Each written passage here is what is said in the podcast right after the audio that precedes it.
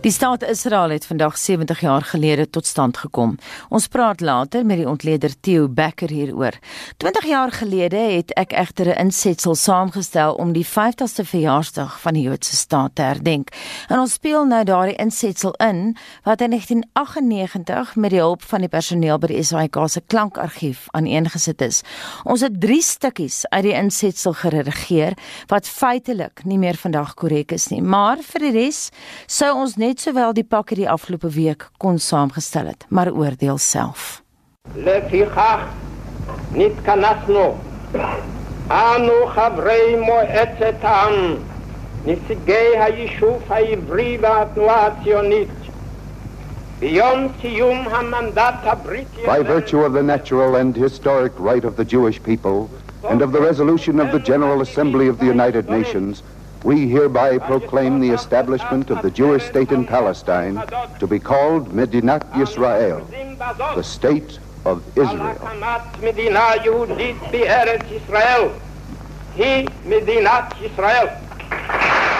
So is die staat van Israel deur die land se eerste premier David Ben-Gurion op 14 Mei 1948 aangekondig. Die proklamasie van die staat spruit uit 'n Verenigde Volke resolusie van 29 November 1947 wat die verdeling van Palestina in twee onafhanklike state, een vir die Jode en een vir die Arabiere, bepleit het. Die nuwe Joodse staat het 56% van Palestina uitgemaak en is begrens deur Libanon, Sirië, Jordanië en Egipte. Binne enkele ure na die proklamasie het oorlog tussen Israel en haar buurstate uitgebreek waaraan verskeie Suid-Afrikaanse Jode ook deelgeneem het. 'n Vredesooreenkoms tussen die Arabiese state en Israel is tussen Februarie en Julie 1949 gesluit. Die uiteinde van die oorlog wat deur Israel gewen is, was dat Israel haar grondgebied vergroot het en nou 77% van Palestina besit het. Die oorblywende deel van Palestina het nou bestaan uit die sentrale bergagtige gebied, algemeen bekend as die Wesbank.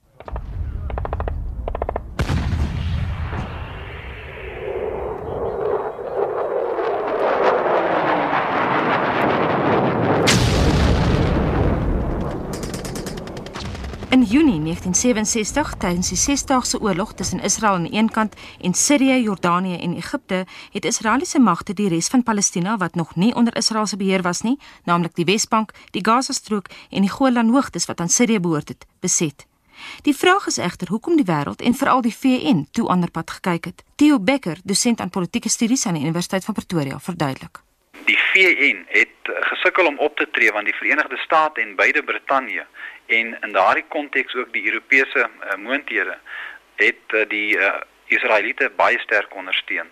En dit was 'n legitieme proses geweest. So dit was legitiem vir Europese moondhede om en Amerika om vir Israel te ondersteun. En die Palestynë was nie so duidelik geartikuleer en so op die voorgrond geweest op daai stadium nie Hoekom is daar in die eerste plek 58% van Palestina aan die Israelies beloof en uh, baie minder aan die Arabiere?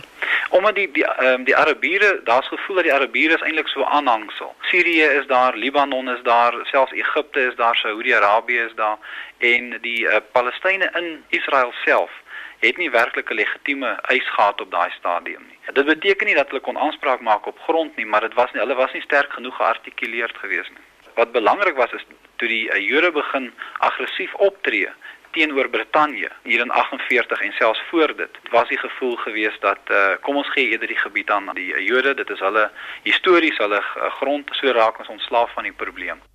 Maar die einde van die stryd om Palestina was nog lank nie in sig nie Op 6 Oktober 1973 loods Egipte en Sirië 'n grootskaalse militêre offensief in die Golan Hoogtes en die Sinai Skiereiland. Die feit dat die inisiatief op die Joodse heilige vakansiedag Yom Kippur plaasvind, vang die Jode ontkant, maar die vinnige toetrede van die Verenigde State tot die oorlog swaai die skaal in Israel se guns en op 24 Oktober volg 'n skietstilstand. Die joernalis Des Blou van die weekblad City Press moes destyds die oorlog vir die Sunday Times gaan dek en onthou die impak wat die oorlog op hom gehad het nog goed.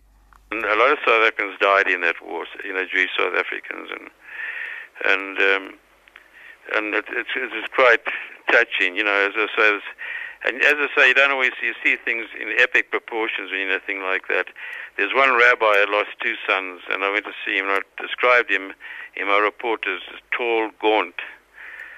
And later, when I met him about ten years, I saw he was quite small and uh, a girl, a, a South African girl who had um, lost her husband in battle, and she very bravely fought all the way down to get to the battlefield in Egypt to see where he died.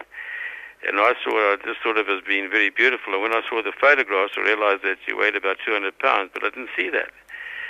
You know, you're just taking so much up with the people's spirit.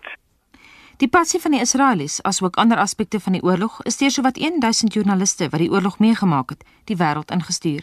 Twee van die nuusmanne het egter self met hulle lewens geboet. In fact, a guy from the London Sunday Times who killed is hit by a rocket one day, and I'd been out in the same area. I think it was in the Golan Heights, and I got back to the, the hotel I stayed in that night, and everybody looked a little forlorn, and they saw me. They were so happy to see me because they thought it would be me had been killed. They'd announced that somebody from the Sunday Times had been killed. So it's quite strange. Die vredesonderhandelinge na die Yom Kippur-oorlog duur 2 jaar, waartydens Israel sekere gebiedstoegewings aan Egipte en Sirië maak. In 1979 onttrek Israel egter uit die Sinai skiereiland na die sluiting van 'n vredesverdrag met Egipte. Maar die toegewings is volgens die Palestynë maar 'n druppel in die emmer, want Gaza en die Wesbank, sowel as die Arabiese oostelike gedeelte van Jerusalem, bly onder Israel se beheer. In Desember 1981 verklaar die Israelies dat die Golan Hoogtes tot dusver onder militêre beheer voortaan soos enige ander deel van Israel bestuur sal word. Die gedurende oorlog lei daartoe dat die Israeliese weermag nou naas die van die VSA, Rusland en China as die wêreld se grootste militêre mag beskou word. Per kop spandeer Israel nou meer op verdediging as enige ander land ter wêreld. Maar die prys wat die Israeliese burgers hiervoor betaal, is groot. Die regering sny voortdurend op voedselsubsidies ten einde meer geld vir die weermag te hê en in 1982 word 'n verpligte militêre belasting van 4% gehef. Dit is dan ook vir altyd in die 80er jare wat Israel se verhouding met Suid-Afrika tot so 'n mate verstewig dat die Palestynse Bevrydingsorganisasie, die PLO, na 'n Pretoria Tel Aviv aksis verwys. Theo Becker verduidelik. Die bande was eintlik 'n natuurlike eh, verhouding geweest. Wat dit natuurlik nog verder verbeter het was die feit dat daar was sekere pariah state geweest in die 70er jare. Ek dink maar aan Chili, uh, Taiwan, Rhodesië en Suid-Afrika het in dieselfde kategorie geval. So uh, dit was eintlik die uitgeworpenes geweest en in die uitgeworpenes het mekaar dan opgesoek. Maar die dilemma was was dat Israel wou ook graag deur die breë internasionale gemeenskap erken word. En dit was nie altyd vir hulle in die VN en ander uh, forums moontlik geweest om so openlik steun aan Suid-Afrika te gee nie. So dit was so 'n uh, liefdes-haatverhouding. Die een kant internasionale arena waar Israel moes opgetree het en die ander kant die samewerking tussen uh, Israel en Suid-Afrika op ekonomies maar ook militêre gebied. Voor 1879 was daar 24000 Jode in die destydse Brits beheerde Palestina. Die oproep deur die Sionistiese beweging in 1880 vir Jode om Palestina toe te trek, was uit die Joodse oogpunt gesien uiters suksesvol. Die oorspronklike pioniers, veral die vanuit Rusland wat hulle net voor die Eerste Wêreldoorlog daar gevestig het, het 'n egte halutsim, oftewel pionierstradisie, wondere met die droë woestyngebied, die Negev in die suide van Israel vermag. Ten spyte hiervan word daar tydens die herdenking nie veel fees gevier deur die Arabiere nie, wat voel dat die oorspronklike plan van die verdeling van Palestina in twee state nooit gerealiseer het nie. Die Arabiere het min om oor fees te vier. As mens gaan kyk na 1948 dan het hulle dit beskou as die Nakba of die katastrofe waar volgens grond en mag dan aan die uh, Israeliese gees en die Arabiere is daarvan uitgesluit. Hulle grond, 'n groot gedeelte daarvan is nog steeds onder Israeliese besetting en selfs die gebied wat die Palestynë nou kan beheer, sogenaamde interne bestuur, is voorwaardelike beheer in die sin dat hulle nog nie kan doen daar wat hulle graag wil doen nie. En dit skep vir die Arabiere groot probleme. Wat Amerika se rol aanbetref, dis interessant dat tydens die Yom Kippur oorlog het Amerika basies Israel gehelp omdat hulle so onkant gevang is. Nou, hoe kan Amerika ooit hoop om gesien te word deur die Arabiere as 'n sogenaamde honest broker? Kyk, mense moet ook in gedagte hou dat gedurende die 48 het Amerika baie vinnig Israel erken as 'n onafhanklike staat. En daar was daardie historiese verbintenis tussen Amerika en Israel. En een van die groot redes was dat daar 'n baie sterk drukgroep binne die Amerikaanse gemeenskap is, binne die uh sake sektor, binne die politieke omgewing. Miskien lê die antwoord vir die Joodse passie opgesluit in die sogenaamde Masada legende wat van geslag tot geslag Jode oorgedra word.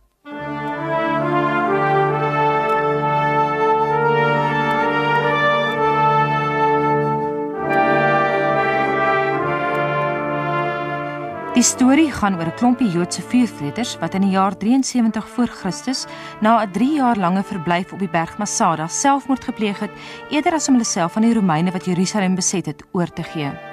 Israeliese soldate het dan ook vir jare 'n eed van getrouheid op Masada gaan aflê. En hier lê die dilemma. Die Jode is nie die enigstes wat passievol oor 'n eie staat voel nie. Tot tyd en wyl die probleem opgelos word, sal die wêreld sekerlik deels verantwoordelikheid vir die situasie moet aanvaar, aangesien die Verenigde Nasies in 'n groot mate deel gehad het aan die skepping van 'n onvermydelike konfliksituasie. Dit is Anita Visser vir Monitor in Johannesburg.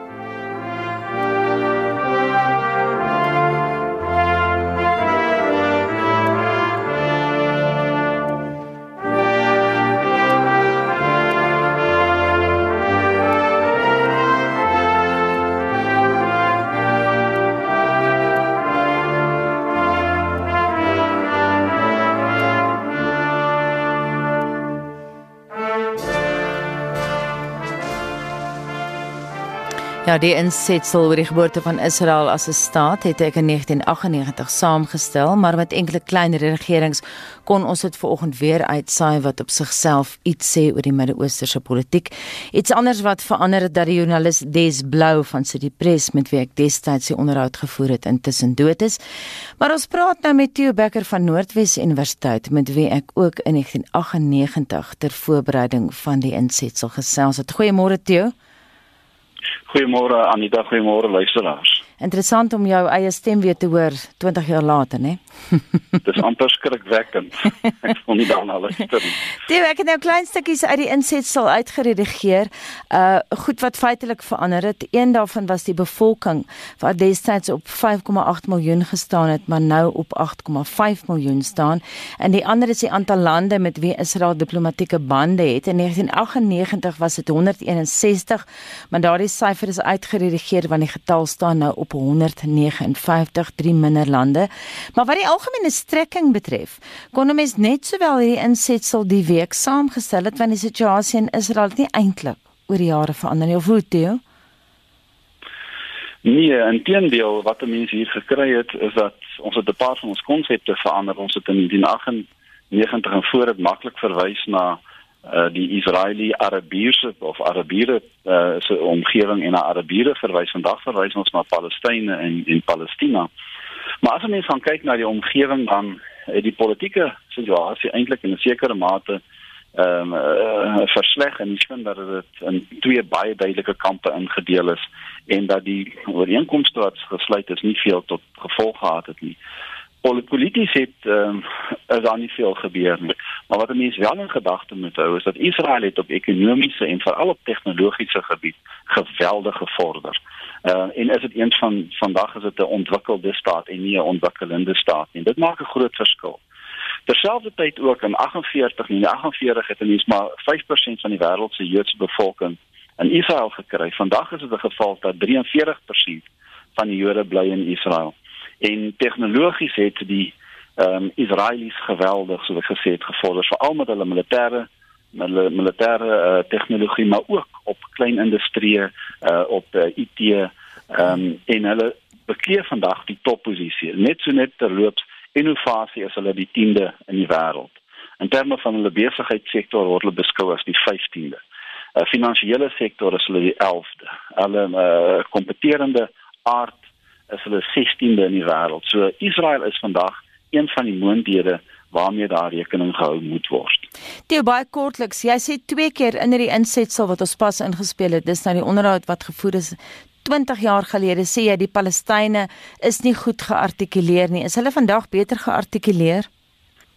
Ja, nee, verseker. Vandag is die ehm um, Palestynse situasie en dit waaronder hulle verkeer is baie duidelik op die agenda dit word internasionaal word daar aan aandag gegee en dit is vir die hele internasionale gemeenskap is dit 'n 'n groot 'n vraagstuk en probleem om op te los.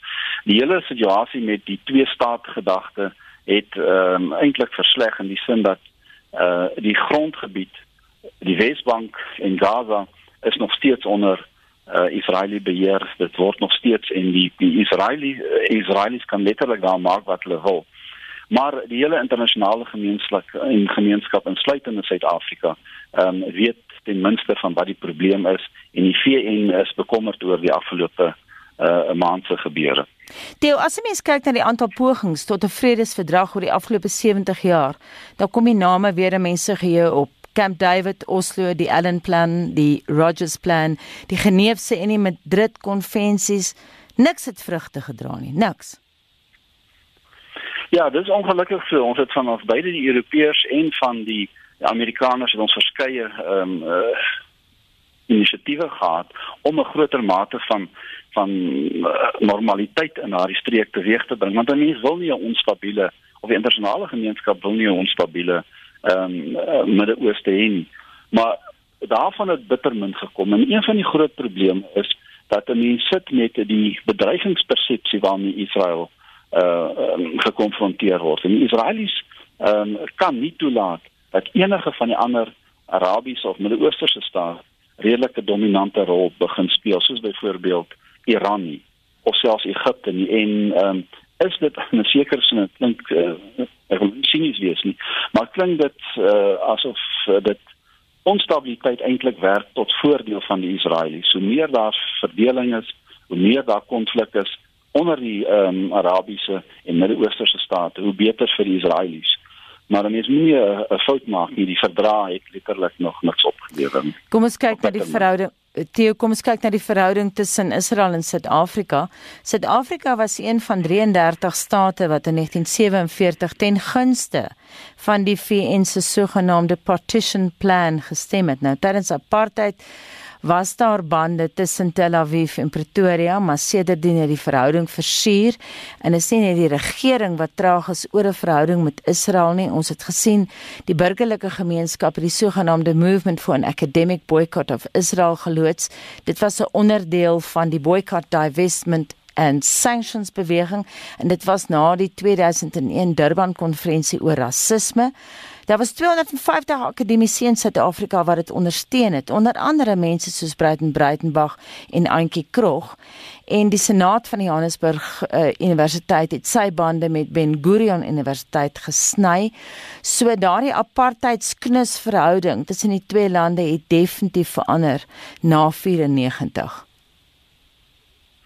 Ja nee, dit is so. As jy mens kyk na na voor 94, dan moet mense onthou was die die Suid-Afrikaanse regering was 'n wit regering gewees wat wit belange uh, bevorder het. En ek stel dit baie kras en kry hierso maar dit het gegaan oor ons verhoudinge met 'n pariah staat ons was deel van daardie pariah omgewing en um, ons het uh, gemaklik gevoel met state soos byvoorbeeld Chili en en, en Taiwan. Intussen het die omgewing verander en mense het gedag dat die demokratiese regering in Suid-Afrika kan nie vir Israel met uh, um, ondersteuning gee soos hy in die verlede dit gedoen het nie want hy het 'n ideologiese verbintenis en hy het 'n historiese verbintenis ook met die Palestynse gemeenskap en die hele uh, strewe na selfbeskikking en onafhanklikheid vir die Palestynë um, en die terug uh, verkryging weer van hulle grondgebied is 'n uh, 'n baie aanvang uh, aanvaarbare tipe van um, boodskap wat uitgestuur word. So die Suid-Afrikaners kan hulle identifiseer met die die Palestynse vraagstuk. Die vraag die die probleem ontstaan natuurlik. Hoe hanteer 'n mens dit? 'n Mens moet baie versigtig wees. Ons ehm uh, moet in gedagte hou dat Israel speel 'n belangrike rol en as Suid-Afrika in die toekoms daardie rol wil bly speel, dan sal Suid-Afrika uh amper 'n meer onafhanklike tipe van posisie moet inneem. Dit is net vir my interessant dat state wat redelik krities is teenoor Israel, soos byvoorbeeld Rusland en China, ehm um, en selfs Egipte, uh, Turkye is state wat een of ander vorm van ehm um, kontak het met Israel. As ons ons uh, onttrek uit Israel uit, dan onttrek ons ons ook uit as 'n ehm um, bemiddelaar of as 'n instrument wat moontlik ehm um, tot 'n vredesoplossing kan uh, onderhandel.